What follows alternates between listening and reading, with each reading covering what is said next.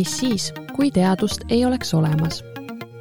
mis siis, kui teadlased ei tegeleks teemadega, millega nad tegelevad? mis siis, kui teadlased ei saa uurida nähtusi piisavat kähku? samas aga, mis siis, kui teadlastel oleksid kõikvõimalikud vahendid uurimaks, mida vaid hing ihkab? teadus on paratamatu osa meie elust. ükskõik, kas me teadvustame seda või mitte.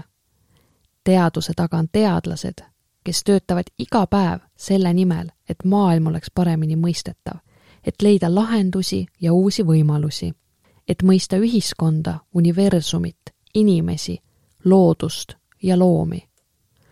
on tohutult teemasid, millega teadlased tegelevad miks mitte põigata hetkeks teadlaste maailma ja vaadata, mida nad siis täpsemalt teevad. Samuti, kes need teadlased on, kes unistavad, mis siis, kui. mina olen Sandra Saar, Tartu Ülikooli ajakirjanduse ja kommunikatsiooni magistrant ja soovin teile head kuulamist tänases äh, taskuhäälingus on meil äh, külas Kairi Tiirik, kes on äh, teise aasta doktorant ja tema õpib siis farmaatsiat. tere, Kairi! tere! kuidas sinust sai farmaatsia doktorant? Tegelikult see ei olnudki väga keeruline teekond, nimelt ma siis ülikoolis viis aastat õppisin proviisoriõppes Farmaatsia Instituudis. ja kui ma oma õppe lõpetasin, siis meie dotsent Karin Kogermann äh, tegi mulle sellise pakkumise, et vot, et temal on selline projekt, kus uuritakse väga põnevat uudset haavakatet, haavaravi ja kas mina oleksin siis huvitatud selles osalema. ja tegelikult oli nii, et kui ma proviisoriõppe lõpetasin, siis mina mõtlesin, et ülikoolis ma niipea ei jätka, et viis aastat on selja taga ja seda oli ikkagi omajagu. ja ma ütlesin talle, et ei, et ma ei ole huvitatud, mõtlesin veel kaks päeva ja siis ütlesin, et ei, et tegelikult kui see koht on ikkagi, noh, kui mul on võimalik ikkagi sinna kandideerida, siis see teema ja pakub mulle noh, väga huvi, et ma ikkagi hea meelega kandideeriks ja, ja nii oligi, et äh, andsin oma dokumendid sisse ja osalesin siis äh, nendel katsetel ja, ja sellel doktori sisseastumisintervjuul ja sain ka oma koha. no farmaatsias, äh, nagu sa enne rääkisid, äh, on aasta peale üks doktorant võetakse vastu. kuidas sulle tundub, kas seda on palju või vähe? farmaatsiaõppes, proviisoriõppes meil on tegelikult võrdlemisi vähe tudengeid et võib-olla kui vaadata seda hulka ja kui palju sealt edasi võib-olla läheks samale erialale doktorantuuri, ma arvan, et üks on, on vähe, kaks-kolm inimest võib-olla, et ikka leiaks.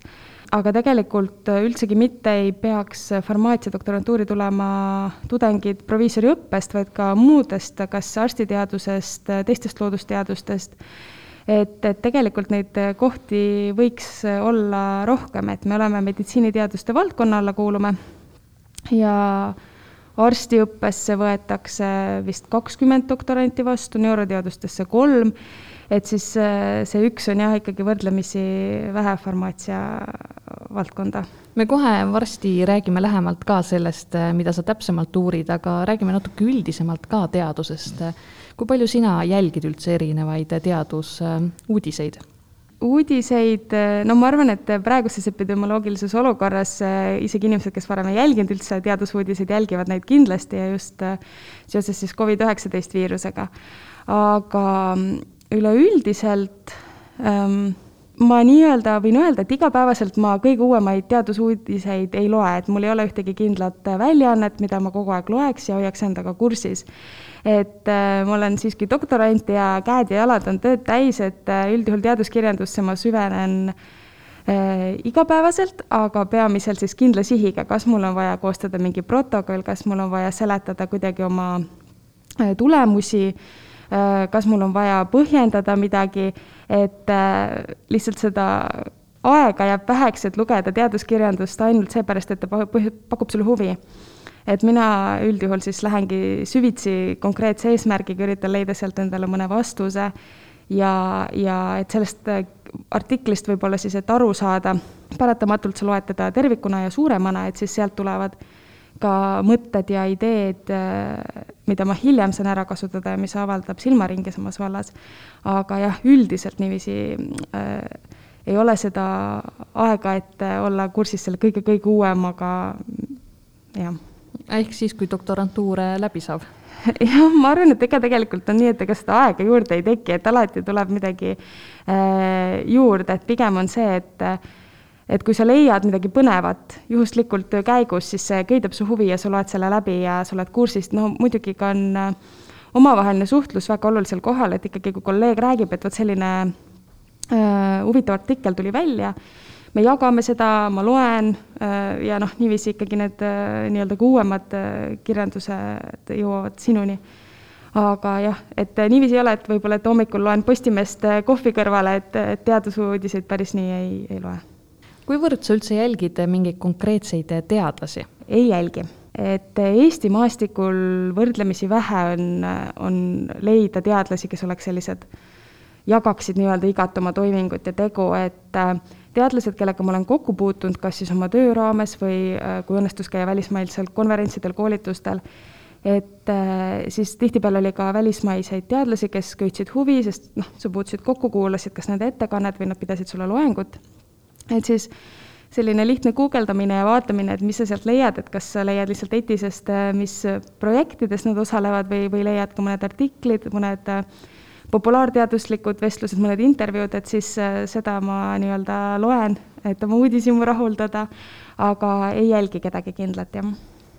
teadlased vist ei ole ka sellised väga suured äh, sotsiaalmeedia mõjuisikud näiteks, et sa sotsiaalmeedias äh, väga ja, jälgiksid neid? jaa, tegelikult tundub, et võib-olla uuema aja omad nagu rohkem, et, et ma olen ikkagi märganud, et mõned teadusgrupid väga äh, nii-öelda innukalt postitavad sotsiaalmeediasse võib-olla just grupipõhiselt, mitte nii-öelda oma töö spetsiifikat. aga eks need suured grupid ole ka võib-olla sellise vanema generatsiooni poolt juhitud ja, ja teadusmaastikul ikkagi võrdlemisi oluline on hoida mõned asjad ka nii-öelda salaja ja vaka all ja mitte rääkida igaks juhuks liiga palju et, et ma arvan, et see on ka põhjus, miks äh, väga valitakse, kas üldse midagi näidata või, või rääkida või mitte. et äkki konkurendid muidu saavad haisu ninna? just, just, eks ole nii, jah. aga räägime nüüd äh, sinu doktoritööst äh, ka lähemalt, mida sa uurid? minu doktoritöö teemaks on siis välja töötada sellised uued haavakatted, et uudne haavaravi. Et äh, kust see kõik tuleb, on ikkagi, meil on suur kliiniline probleem, et meil ei ole piisavalt efektiivset äh, haavaravi, kui meie haav on juba infitseerunud ehk põhimõtteliselt läinud siis põletikku, et seal kasvavad meil bakterid. bakteril on haava väga lihtne sattuda, satub sinna kas musta kööginoaga ma lõikan ennast, ta satub noa pealt, aga isegi kui on puhas haav, meie nahka äh, koloniseerib, katab suur hulk erinevaid mikroobe ja nad satuvad meil sinna haava me oma haava eest korralikult ei hoolitse, ta läheb põletikku. kui me oleme terve inimene, meie keha saab selle põletikuga hakkama, meie haav vananeb nädala pärast, väike arm, kõik on korras. vanem põlvkond, äh, meil on seal sellised füsioloogilised või noh, loomu, loomupärased protsessid juba aeglustunud. üldjuhul meil on ka kaasuvad kroonilised haigused, kui me oleme, mida vanemad me oleme.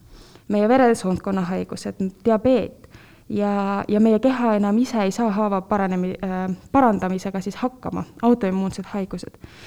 ja, ja tihtipeale, mis siis juhtub, ongi nii, et äh, meil tekib haav, sinna satuvad bakterid, meil on suur põletik ja, ja, ja populatsioon, kes siis, kelle organism ei saa selle tervendamisega ise hakkama, need on tegelikult väga suure väljakutse ees. meil ei ole praegu efektiivset äh, efektiivset ravi neile anda, et, et selline laias laastus statistika ütleb, et kaks miljonit inimest Euroopas on, on akuutse või kroonilise haavaga praegu probleemi ees, et, et kuidas seda ravida.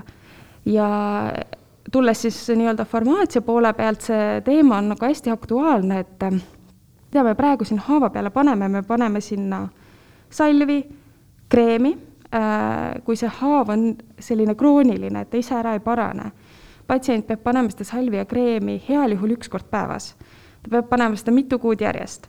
ja me teame, et patsiendid ei tee seda, et äh, seda kreemi panna, see ei ole kõige meeldivam tegevus, see ei ole ilus, see on valus, lõhnab, mädane, eks ole, ja, ja kui ta ei pane seda korralikult raviainega kreemi, ei saa sealt efekti tal bakterid ainult kasvavad, vohavad, ta no see, sealt ei ole mitte mingit tulemust ja, ja ega bakterid sellised äh, rumalad olendid ei ole, nad saavad ikka põhjusega meil nii pikalt äh, haavas hakkama, et nad tekitavad niisugust biokile, nad lähevad sinna peitu, et kui me isegi paneme antibiootikumi otse naha peale, ta ei, ta ei saa sinna biokile sisse, me tapame ainult bakterid, kes seal ümberringi on, aga aga kui nad biokile seest nii-öelda väljuvad, nad tekitavad uue infektsiooni, et see on selline surnud ring. ja kuidas me seda biokile praegu eemaldame, ongi see, et patsiendid käivad kirurgi vastuvõtul ja see kirurgiliselt eemaldatakse. et äh,, et meil on vaja Äh, midagi, mida see patsienti, kuidas patsienti aidata, sest et tegelikult haavaravi peaks olemagi patsiendi enda teha. ja mida meie siis teeme, meie teeme selliseid äh, piltlikult öeldes nagu plaastreid, me paneme sinna sisse juba raviaine ja eesmärgiga, et patsient saaks selle plaastri panna oma haava peale, jätta selle sinna ideaalis näiteks nädalaks ajaks. iga nädal plaastrit vahetada on, on suurema tõenäosus, tõenäosusega patsient nagu saab sellega hakkama, et ma võin ka oma vanemale helistada iga pühapäev, et palun vaheta plaastrit, aga aga see, et pane hommikul-õhtul iga päev kreemi, no ei, ei ole nii, nii efektiivne. selliseid haavakatteid me üritamegi välja töötada, et sees oleks siis raviaine ja et patsiendil oleks seda võimalikult mugav kasutada millistest haavadest me räägime, no näiteks mul on siin sõrme peal paberiga, tõmbasin mm -hmm. endale mhm. katki, no mis ei ole väga sügav, et ilmselt seda ei ole vaja parandada. ja tegelikult ongi nii, ja tegelikult ongi nii, et Äh, terve inimene, väike haav, ta paraneb ise ära, isegi kui sinna tuleb väike põletik, see on selline kehaomane puhastusprotsess, et me saamegi niiviisi sellest mikroobist sealt jagu ja see paraneb ära, kõik on korras. et meie ikkagi räägime kroonilistest haavanditest, mis ei taha ise paraneda, hästi tüüpiline on sellised haavad nagu diabeetilised haavad, ongi eraldi selline klassifikatsioon, et inimesed, kellel on diagnoositud äh, diabeet, nende veresoonkond on Äh, selle haiguse tagajärjel niivõrd palju kahjustunud, et nende haavad ei saa ise nii efektiivselt paraneda kui tervel inimesel. ja selle tulemusena inimestel ongi haavandid, mis ainult sügelevad, on põletikulised ja mitmeid kuid kuni aastaid äh, noh, järjest. et, et me ikkagi proovime jah, aidata siis neid kuidas te seda haavaplaastrit äh, välja töötate? väljatöötamine on ka selline omaette võib-olla keeruline protsess lihtsalt seletada tegemist on meetodiga, mida kutsutakse elektrospinnimine. see siis kujutab endast polümeri lahusest eh, elektrivälja toimel selliste kiudude kogumist eh, plaadi peale. et milline ta visuaalselt välja näeb, ta näeb välja nagu selline marliside põhimõtteliselt võiks olla. aga et tegemist ongi see, et algselt me teeme lahuse siis see solvent ehk see lahusti vedelosa aurustub ja me kogume siis sellise marlitaolise kiulise struktuurina endale nii-öelda selle mati või, või plaastri. kui kaugel see protsess on teil? See protsess kogu aeg käib ja kindlasti me ei ole ainukesed, kes sellise arendustööga tegelevad, et tihtipeale teaduses sul peab olema küll midagi väga uudset, et, et seda teha, küsida rahastust, vedada projekti, aga, aga üldjuhul tehakse nagu paljust asju paralleelselt mitmes erinevas kohas. et kui kaua läheks aega, et sellest saaks reaalne toode, mida turule tulla, äh, elektrospinnitud haavakatteid või matte tegelikult on juba turul ka. et see ei ole niivõrd uudne aga kui sa tahad sinna sisse juba panna raviainet, äh, siis kõik see regulatsioon äh, läheb järjest keerulisemaks, et võib-olla me äh, paralleeli tõmmates siin selle Covid-19 viirusega oleme kuulnud, et ega see vaktsiini ja ravi töötamine ei ole nii, et mul midagi toimib ja ma juba saan tootma hakata ja, ja nii-öelda müüma inimestele, et et seal on ikkagi keerulised regulatsioonid mängus, et ma arvan, et üks hetk isegi, kui meil on selline toode, et voh, täpselt valmis, testitud äh, laboritingimustes, kõik sobib, võib-olla ka loomkatsed tehtud sobib, siis ikkagi ootab ees äh, tükk äh, väljakutseid veel enne, kui, kui päriselt saaks seda nagu pakkuda. aga see ei tähenda, et, et kõik nii kaua aega võtab, et sellised haavakatted, nende struktuur on väga unikaalne, selline naharakkudele väga mõnusaks pinnaks, kus tegelikult kasvada ja, ja töötatakse välja ka selliseid katteid, kus raviainet sees ei ole, sest et siis läheb kogu see nii-öelda paberimajandus nagu lihtsamaks, et töötatakse välja selliseid samal mehhanismil haavakatteid, mida saab panna naha peale ja haav saab paremini kokku kasvada, kiiremini kokku kasvada. et, et sellised tooted on ka turul ja, ja nende kindlasti nii-öelda patsiendile kohe kättesaadavaks tegemine on, on palju, palju lihtsam. mis sa arvad, millal teie välja töötatud toode võiks turule jõuda, lihtsalt selline ennustusmäng? teades, kui kaua kõik võib aega võtta, siis see on ikkagi mitmekümne aasta töö. niiviisi, et seda saaks võtta kohe apteegist pakendatult ja, ja kasutama hakata. aga kas see natuke kuidagi motivatsiooni ei võta maha, kui, kui sa tead, et need protsessid lõpuks nii kaua aega võtavad? tegelikult ei võta, sellepärast et üks asi on see, kas meie laboris tegelikult peame üldse selle toote siis nii-öelda lõplikult valmis tegema. et ma arvan, mida meie teeme, on kõik selline eeltöö, et me ikkagi testime ja katsetame meeletutes kogustes erinevaid äh, võimalusi. Kui meil midagi ei toimi, tegelikult äh, see on juba meie jaoks teadmine, et see ei toimi ja sa saad mingi asja jätta kõrvale, kui midagi toimib, super, ja sealt saab edasi minna. et ma arvan, et lihtsalt leidagi mingid kompositsioonid, millest annab midagi toota, on väga väärt äh, informatsiooniga, väga väärt informatsioon. et ähm, ja siis seda informatsiooni saab kasutada see, kes, kes soovib sellega nagu nii-öelda tööstuses edasi minna. et äh, jah et teie teete selle esimese sammu ja siis teie andmete põhjal on võimalik äh, edasi minna, näiteks mingid äh, ettevõtted või kes iganes. ja näiteks, miks mitte. kuna meie taskuhäälingu nimi on äh, Mis siis kui, siis meil on ka plokk, kus kõik küsimused algavadki sõna, väljendiga Mis siis kui. mis siis, kui sa ei uuriks teemat, millega sa praegu tegeled? siis meil läheks veel kauem aega, et sellised haavakatted turule tulla, ikka doktorant on selles suhtes väga suur töötab äh, sipelgas kogu teadusprojektis ja, ja, ja üldse sellel väljatöötamise, arendamise poole peal. et ma arvan, see kõik võtaks äh, jälle pisut äh, kauem aega. miks sind üldse see teema köidab, see haavaplaastrite loomine? kindlasti mind köidab see sellepärast, et ma tean seda suurt probleemi seal taga, et meil ei ole praegu seda efektiivset ravi ja, ja meditsiinitöötajana tegelikult proviisor kui esmatasandi meditsiinitöötaja, ma tean seda, et Eh, paratamatult on meditsiinitöötaja see, kes peab eh, vastutama selle eest, et patsient raviks ennast nii, nagu me seda soovime. ja tihtipeale nad ei tee seda ja nad tulevad kahe nädala pärast tagasi, ütlevad, et minu haav ei ole paranenud, aga kas te tegite nii, nagu arst ette kirjutas, ei, me ei teinud. et eh, meil on vaja paremat lahendust, et mis minu töö selline hästi multi- või interdistsiplinaarne töö, et tihtipeale mikrobioloogidele ka seletada, et nad ütlevad, et et aga pange lahust ja näete, bakter kohe kaob, et miks me paneme teda sinna plaastri sisse ja siis meil on väljakutsed, kuidas ta seda mikroobi tapab ja kuidas ta sealt plaastrist välja tuleb.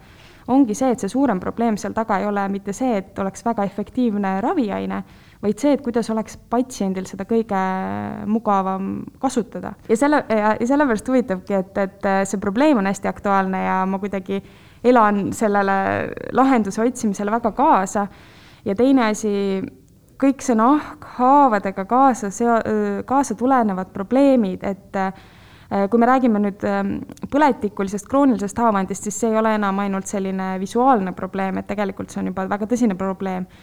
aga, aga üleüldse, et, et ega see ei ole patsiendile meeldiv ja kui ta jäetakse sellega nagu üksinda, siis jällegi ma tahaks teda nii palju aidata, kui, kui võimalik ma lihtsalt äh, ja. praegu hakkasin mõtlema selle peale, kas lamatisi peetakse ka haavadeks? jaa, haavandid ja tekivad.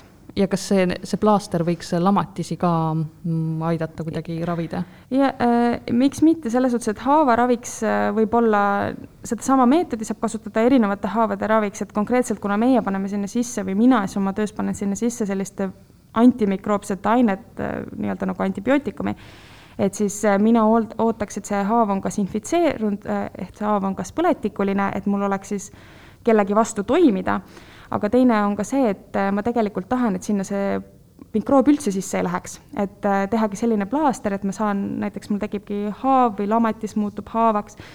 Ja, ja ma saan sinna panna plaastri peale ja vältida seda, et sinna tekiks äh, mikroobide poolt põhjustatud siis selline suurem põletik mis siis, kui äh, sinu valdkonnas juhtuks kõige hullem, mis üldse juhtuda saab? Äh, ma arvan, et äh, siin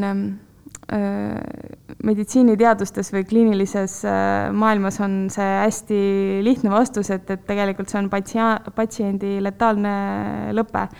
et me räägime küll algul, et meil on haav ja seal sees on põletik, aga kui me seda ei ravi, siis põletik läheb edasi, et ja kui meil on juba äh, sepsis või, või südamelihase põletik või kas või raske kopsupõletik ja, ja tihtipeale, nagu ma rääkisin, ka see patsiendigrupp on äh, kroonilised haiged, kes on juba nõrgendatud patsiendid või vanemad inimesed samamoodi nõrgendatud, siis äh, see ongi letaalne lõpe, et äh, nii et tegelikult pealtnäha võib-olla väike haav võib muutuda väga-väga oluliseks. just, jah.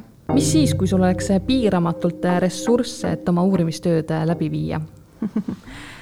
Oi, siis oleks ju elu nagu lill, et ähm, no millistest ressurssidest me räägime, mina arvan, et äh, kõige suurem ressurss on, on aeg ja, ja inimenergia ja kui, kui oleks seda aega vaid rohkem, jõuaks äh, palju rohkem uurida, palju põhjalikumalt uurida, et äh, ma ise olen äh, naljatledes öelnud, et ma oleks hea meelega kümme aastat teise aasta doktorant selles mõttes, et samas vanuses ja, ja äh, samas aastanumbris ja, ja lihtsalt teeks ja uuriks ja vaataks, sest tegelikult see on, on niivõrd põnev, aga, aga paratamatult ikkagi sul ei ole seda piiramatut ajaressurssi. ja seda enam, kui me räägime Eesti kont-, kontekstis ja meil on need teadusgrupid väiksemad, farmaatsias meil tuleb üks doktorant aastas gruppi juurde me oleme seal viiekesi, üritame ühte asja teha, et, et viiskümmend inimest korraga teeb ka kas selle viiskümmend või, või, või kümme korda kiiremini ära, et leiab selle tulemi kiiremini. ja, ja kõik võtab aega, et äh, ma arvan, me saaksime olla palju põhjalikumad ja me saaksime minna palju äh, rohkem sügavuti ja võib-olla äh, sul tihtipeale on ikkagi mingi plaan või protokoll, mida sa jälgid äh,, järgid ja sa paratamatult avastad, et kõik asjad ei lähe nii, nagu sa alguses lootsid, aga siis sa teed need valikud, et mida sa nüüd edasi uurid, et kas sa hakkad kohe seda probleemi nii-öelda lahendama või sa uurid edasi, millest see tuli. ja tihtipeale ongi see, et võib-olla sa tead, et okei okay,, et see ei toiminud, uuriks midagi muud, aga see, miks ei toiminud, näiteks selleks ei ole aega, et, et seda uurida, et jah, oleks aega, siis saaks olla öö, veel rohkem teha. see on hästi huvitav, sest senimaani äh, praktiliselt kõik doktorandid, kes siin taskuhäälingus külas käinud on, on ressursina just aja välja toonud mm.. et noh, Eesti puhul meil teaduse mhm. rahastamine on hästi äh, suur ja oluline teema ka, aga raha ei ole väga keegi maininud. Äh, ma arvan, et sellepärast, et tegelikult me teame, et see on suur probleem äh, ja, ja me näeme neid väljakutseid ja ja me teame, et kui meil on ähm, Äh, raha, siis meil on mõningaid võimalusi palju rohkem, et äh, kui seda ei ole, siis äh, sa oled piiratud ja, ja sa pead rohkem valima. aga kui mul on ka see kõik maailma raha, siis kui mul on kõik need masinad, millega kõiki uurimisi teha, siis mul on vaja seda aega või mul on vaja siis seda inimjõuressurssi, kes neid katseid ja eksperimente läbi viiks, et et ma arvan, et see raha on oluline ja me teame, et sellega ei ole kõige paremad lood, nii et ähm, võib-olla ei hakkagi seda nagu puudutama Eestis muidugi valdkondade vahel on ka see rahastus äh, hästi erinev, et on äh, mingeid teemasid, mida justkui rahastatakse rohkem, pluss erinevad välis, ähm, välisrahastused äh, ja on teisi, kus võib-olla seis on kohati veel nukram, et kuidas farmaatsia puhul olukord on? Äh, farmaatsia on selline või ka minu, meie projekt, mitte minu, meie projekt on ka selline hästi mitmes valdkonnas hõlmatud, et meil on, see on nii kliiniline, äh, see on, kuulub nii mikrobioloogia valdkonda, äh, nii ravimiarenduse valdkonda, dermatoloogia, nahahaiguste valdkonda. et kui sa oskad võib-olla tuua nagu õige selle nii-öelda väljundi oma tööst, siis võid päris mitmetest kohtadest võib-olla, et seda rahastust küsida või mitme nurga pealt. samas see teeb ka asja nagu keerulisemaks, sest sa pead selle probleemi tegema igale valdkonnale võrdväärselt äh, nagu tähtsaks või oluliseks. et kui meie meditsiinivaldkonnas saame aru, et see haavaravi on probleem, siis ongi, et vastupidiselt äh, mõnes muus valdkonnas äh, tundub kõige, kõige olulisem see, et kui efektiivselt mikroobi näiteks äh, tappa, et et ma arvan, et see on selline väljakutse koht. kes sinuga koos äh, seda projekti ellu aitavad viia? peamiselt siis äh, antimikroopsete haavakatete väljatöötamine on minu juhendaja, äh, dotsent Karin Kogermani projekt ja selle juhtimisel töötab siis Farmaatsia Instituudis veel doktorante ja, ja teadlasi. grupp on meil võrdlemisi väike, aga tubli, võiks ikkagi öelda ja, ja töö, töö edeneb jõudsalt mis siis, kui sa saaksid äh, otsast peale alustada? ma tunnen, et ma olen veel võrdlemisi väga alguses, täitsa siin stardi, äh, stardijoonel. ma võib-olla ei oskakski midagi muuta. üks asi, mille peale ma olen mõelnud, ähm, proviisoriõppes on siis niiviisi, et viienda aasta lõpuks me teeme nii-öelda magistritöö, mille mina tegin siis tegelikult farmakoloogia valdkonnas, täiesti teises instituudis, et bio- ja siirdemeditsiini instituudis. ja doktorantuuri tulin siis farmaatsia instituuti. et üks, mille peale ma olen mõelnud, kui ma näen inimesi, kes teevad oma teistel erialadel näiteks bakalaureusetöö ja magistritöö ja siis lähevad veel sama asjaga doktorantuuri, et neil on selline väga hea nagu põhi ja pagas ja kuskilt, kus edasi minna, mõnel tublil on juba artikkel olemas, kui see klapib sinu doktoritööga, sa saad seda mm, kasutada nii-öelda. et minu puhul oli see, et kui ma tulin doktorantuuri, siis äh, mina ei olnud varem näinud elektrospinnimise seadet, ma ei teadnud neid äh, meetode, mida nende haavakatete testimiseks kasutatakse mikrobioloogiaga ma olin kokku puutunud nii palju kui teisel ja esimesel kursusel proviisoriõppes, et mul oli hästi palju õppida, et äh, ma muidugi ei ütle ka seda, et äh, see eelnev töö, mis ma tegin, ei oleks ähm, oleks siis olnud näiteks nagu kasutu, kindlasti mitte, ma arvan, et mida rohkem sa erinevates valdkondades, erinevates teadusgruppides saad osaleda, seda, see kõik rikastab sind ja ja minu nii-öelda magistritöö oli hästi põnev, mul oli võimalik kõrvalt näha loomkatsete tegemist, mis on selline suhteliselt äh, haruldane võimalus. Äh, aga siis ma jah, äh, vahest kadedusega vaatan neid, kes jätkavad sealt, kus nad on juba kolm aastat nii-öelda töötanud ja, ja saavad edasi minna. et kui ma arvan, võiks midagi mõelda, siis on see, et võib-olla oleks algselt läinud teise gruppi tööd tegema, et siis jätkata seal kohe oma teadustööd aga tihtipeale need inimesed, kellel on juba bakalaureus'is ja magistris sama teema, teavad juba kohe alguses, et nad soovivad mm -hmm. valida selle nii-öelda teadlase tee. sinul mhm. see vist ikkagi tuli üsna juhuslikult äh, tegelikult äh, see huvi on mul päris pikalt olnud, sest ma tean, et ähm, ka oma selle lõputöö raames laborisse ma läksin suhteliselt varakult võrreldes siis oma kursusekaaslastega. ja, ja see huvi mul oli kuni selle hetkeni, et kui oligi see viimane aasta, sa kirjutasid selle töö kokku ja ma arvan, et see on võib-olla paratamatult selline, et üks etapp lõpeb ja siis sa mõtled, et nii, nüüd kuhu edasi, mis on need uued väljakutsed ja, ja mingi hetk oli tõesti see, et vaataks siis ülikoolist nii-öelda kaugemale. aga, aga minu doktoritöö peale selline või no mul, mulle tuli siis selline pakkumine ja see tööteema oli tõesti niivõrd huvitav ja intrigeeriv, et et ma kohe pidin ikkagi sellega tegelema hak-, hakkama ja nüüd, kui ma olen tudengitele rääkinud, kus me tutvustame siis Farmaatsia Instituudis tehtavat teadustööd, siis äh, ma alati ütlen, et minu lemmikud õppeained koolis olid või ülikoolis siis olidki farmatseuutiline tehnoloogia ja mikrobioloogia ja farmakoloogia. ja tegelikult kõik need kolm eriala on minu doktoritöösse väga ilusti põimunud praegu, et ma tõesti tunnen, et niisuguse täitsa oma teema peal miks peaks üks äh, noor inimene valima akadeemilise karjääri?